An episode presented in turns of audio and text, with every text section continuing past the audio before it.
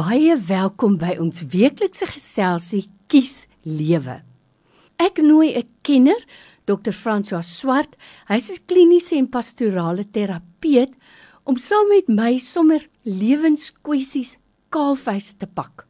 As jy 'n vraag het, onthou vir my 'n WhatsApp te stuur na 0824104104 en dan sal ons intyd ook graag jou vraag beantwoord.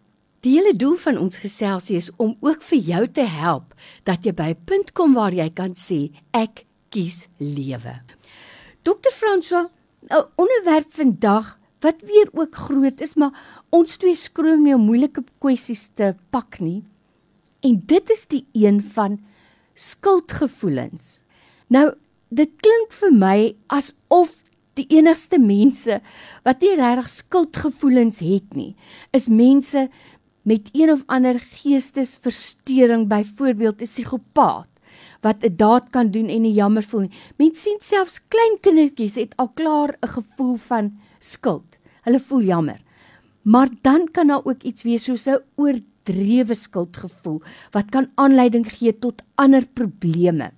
So kom ons begin by die begin. Waaroor kan ek skuldig voel en waaroor kan ek regtig nie skuldig voel nie? Ja, ek dink die groot boodskap van die Bybel is tog die liefde. 1 Korintiërs 13, Jesus wat sy liefde op 'n dramatiese manier vir ons kom demonstreer as hy hier by ons is, die kruisiging, die opstanding, die nuwe lewe, die nuwe manier van dink, die nuwe manier van leef, die nuwe manier van optrede. Ons begin mekaar vergewe, die liefde Uh dit is die groot toetssteen in elke situasie. C4 die liefde hier. Die tweede ding wat baie belangrik is, is dat 'n mens gereeld in jou verhouding met die Here na betragting hou. Weekliks. Dis hoekom ons elke Sondag kerk toe gaan. En daar sit jy in 'n erediens en vra vir jouself, hoe het dit met my hierdie week gegaan mm. rondom my skuldgevoelens en en my skuld?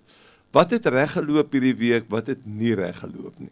En wat interessant is in die literatuur, Lorraine, is dat daar so 'n onderskeid tussen werklike skuld en skuldgevoelens. Mm. Skuld is wanneer jy regtig skuldig is, mm. maar dit is goed as jy 'n geestelike leier het of iemand, 'n medegelowige wat jy na toe kan gaan en sê, weet jy, ek het 'n gewetestruktuur wat my norm is die Bybel. En ek dink ek het iets oortree wat die woord nie wil hê ek moet doen nie. Stem jy met my saam daaroor? Uh en dan sal jou maat omdat hy vir jou lief is, jou vriend of wie ook al sê, weet jy, dit is so. Kan ek saam met jou bid en lê dit voor die Here en lê dit agter jou. Dis uh daar is definitief tye wat ek skuldig is. Maar skuldgevoelens Lorraine, en dis interessant, is presies wat die woord sê. Dit is 'n gevoel van skuld en dit is nie noodwendig skuld nie. En dit was vir my interessant in die inleiding dat jy jy die twee woorde gebruik skuldgevoelens en dan 'n akute abnormale soort van skuldgevoelens. Ek dink ons moet dit eenvoudig hou en net praat van skuld. Skuld is skuld en en en sorg dat jy dit met iemand deurpraat. En dit is hoekom jy 'n volgeling van Jesus is en en raak ontslae weekliks daarvan. Want dit kan regtig jou lewe miserabel maak. Maar dit is die blye boodskap ons kan vry wees ook van ons skuld. Maar skuldgevoelens het die potensiaal om jou in in 'n depressie in te druk. Mm. En as jy nie mooi daarna kyk nie, kan dit jouself in 'n endogene soort van depressie inbeweeg wat jy medikasie baie sterk begin benodig. Daarom dink ek wat belangrik is, is dat jy jou gevoelens ook moet gaan toets by een of ander geestelike leier. Is hierdie gevoel wat ek het, is dit regtig iets om ooskuldig te voel of is dit bloot net 'n gevoel? Nou daar is sekere mense met wie jy te doen kry wat geweldig op jou gewete struktuur kan inspeel o, ja. en hierdie gevoelens van skuldig wees onnodiglik by jou opjaag. Ons praat van hulle as manipuleerders, as as mense wat vir jou laat skuldig voel oor goed wat jy nie regtig nodig het om oor skuldig te voel nie. Dis daarom dink ek dit is goed dat 'n mens 'n lewensafrigter of iemand het geestelike leier wat jy weet hierdie goedes verstaan. En as jy regtig vasval met gevoelens van skuld, dis nie hoekom die Here na hierdie wêreld toe gekom het om die heeltyd vir ons te laat skuldig voel nie. Kom ons dink maar net aan Johannes 10 vers 10. Ek het gekom na hierdie wêreld toe sodat jy die lewe in oorvloed kan ervaar. En uh, jy gaan nie oorvloed ervaar as jy heeltyd met gevoelens van skuld worstel nie. Daarom kyk jou ware skuld in die oog en doen iets daarmee en die hele evangelie is daarvoor daarvan vol dat ons kan dit laai op die skouers van Jesus, ons kan dit vasspyker teen die kruis en ons het die wonderlike Psalm 103 wat sê die Here dink nie eers weer daaraan nie. Hy verwyder dit so ver as wat die ooste van die weste is. En skuldgevoelens moet ons krities mee omgaan en ons moet daarvan ook werk maak en dan dit agter ons laat en ons lewe geniet. Pastorale en kliniese terapeut by my in die ateljee dis dokter François Swart. Baie belangrike begrippe hierdie. Dokter François, byvoorbeeld, 'n pa wat nou hier by sy aftrede terugsit en reflekteer en sê ek voel skuldig omdat ek in my kinders se klein tyd te min tyd met hulle deurgebring het, te veel tyd by die werk. Dis tog 'n geregverdigde skuldgevoel en as die Here nou vir jou goed is en jou kinders lewe nog, dan het jy dalk 'n geleentheid om restituisie te doen. Maar byvoorbeeld 'n buurvrou wat jou laat skuldig voel omdat jy dit so goed het, omdat jy 'n man het wat vir jou sorg en jy het altyd kos en daai skuldgevoelens by jou opwen soos 'n tolletjie op 'n dag dan moet jy mos maar eintlik gaan sit en sê, maar ek is nie aandadig daaraan nie. Dit is nie my skuld nie. Ek gaan dit nie meer vir myself toeëien nie. Net om af te sluit, sou dit vir 'n mens byvoorbeeld help om jou skuldgevoelens eers neer te skryf voordat jy met iemand gaan praat, sodat jy vir jouself kan sê, ek wil amper sê aan twee kante van 'n lyn. Hierdie goed, hier is ek werk aandadig vir, hier is ek skuldig aan. Hierdie 'n skuldgevoelens, ek moet hiermee deel, handel. Sou dit help? Ek dink dit is altyd goed om goed neer te skryf en bietjie te dink daaroor en met iemand anders te te bespreek. Ek dink is wonderlik wat jy sê. Ek self is al ook al bietjie ouer.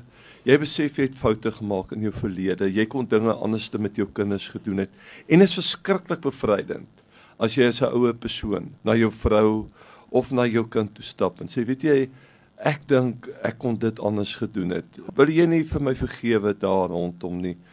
Ek wil net hê jy moet dit weet en ek wil nou die bietjie wat ek oor het, wil ek my bes doen om reg te maak. Uh, dit is eintlik fantasties as jy dit kon doen. Die buurvrou gedagte wat vir jou sê dat jy moet skuldig voel, hoekom dit so goed gaan met jou. Dis interessant hoe jy dit stel en ek weet waar dit vandaan kom en wat jy ook bedoel uh Lorraine maar ek dink as 'n mens daai gesprek regtig ontleed tussen daardie twee vrouens die vrou waarmee dit goed gaan en die ander vrou wat die ander vrou laat skuldig voel hoekom sy skuldig is mens moet jaloesie ook in die mengsel gooi. Ja. Jaloesie manipulering narcissistiese gedrag sê die slim mense van narcissisme waar jy nie vir ander mense iets gun nie waar jy nie wil hê die lig moet op ander mense skyn nie, waar ons nie bly is vir ander mense se situasies nie. En dit is Bybelse beginsels hierdie. En daarom ek sou my kort antwoord sou wees dat so 'n persoon wat so 'n buurvrou het baie mooi moet gaan dink, maar dalk moet sy die gestalte van 'n eend aanneem en dat dit soos water soos 'n eend mm, van haar mm. rug afrol. En dit gaan deurpraat miskien met haar geestelike leier en sê is dit so is dit iets wat ek oor bekommerd moet wees? En dan miskien op 'n ander manier met haar praat en sê weet jy jy het eintlik 'n ander probleem wat jy nou eintlik op my projekteer. En miskien sou dit goed wees dat jy iemand anders te sien maar ek dink uh, ek is baie dankbaar vir dit wat ek het sou graag 'n bydrae lewer om jou lewe ook aangenaam te maak, maar ek dink nie ons moet in hierdie soort van terme met mekaar praat nie.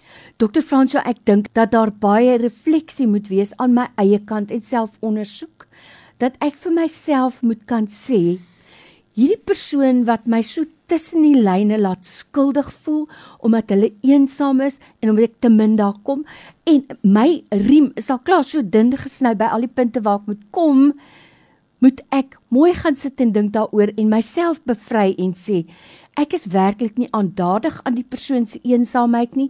Ek doen wat ek kan so ek moet sag wees met myself. Is ek reg? Ja, ons moet baie sagte met onsself wees en as jy iemand kry wat jy weet gebalanseerd na die lewe kyk en jy kan net by daai persoon gaan sit en sê sê vir my wat is die goeie kante van my lewe? Wat is my skadukante? Is hierdie dalk 'n uitdaging wat ek aan moet werk? Ek is bereid om daaraan te werk. Verseker Lorraine, dink ek is jy besig om kwaliteit dan aan jou lewe toe te voeg soos altyd wonderlike insigte en ons het die voorreg om daarin te deel. Dr. Fransja vir jou tyd. Baie dankie, ons waardeer dit. Dankie Lorraine, was lekker om saam te kuier vanmiddag.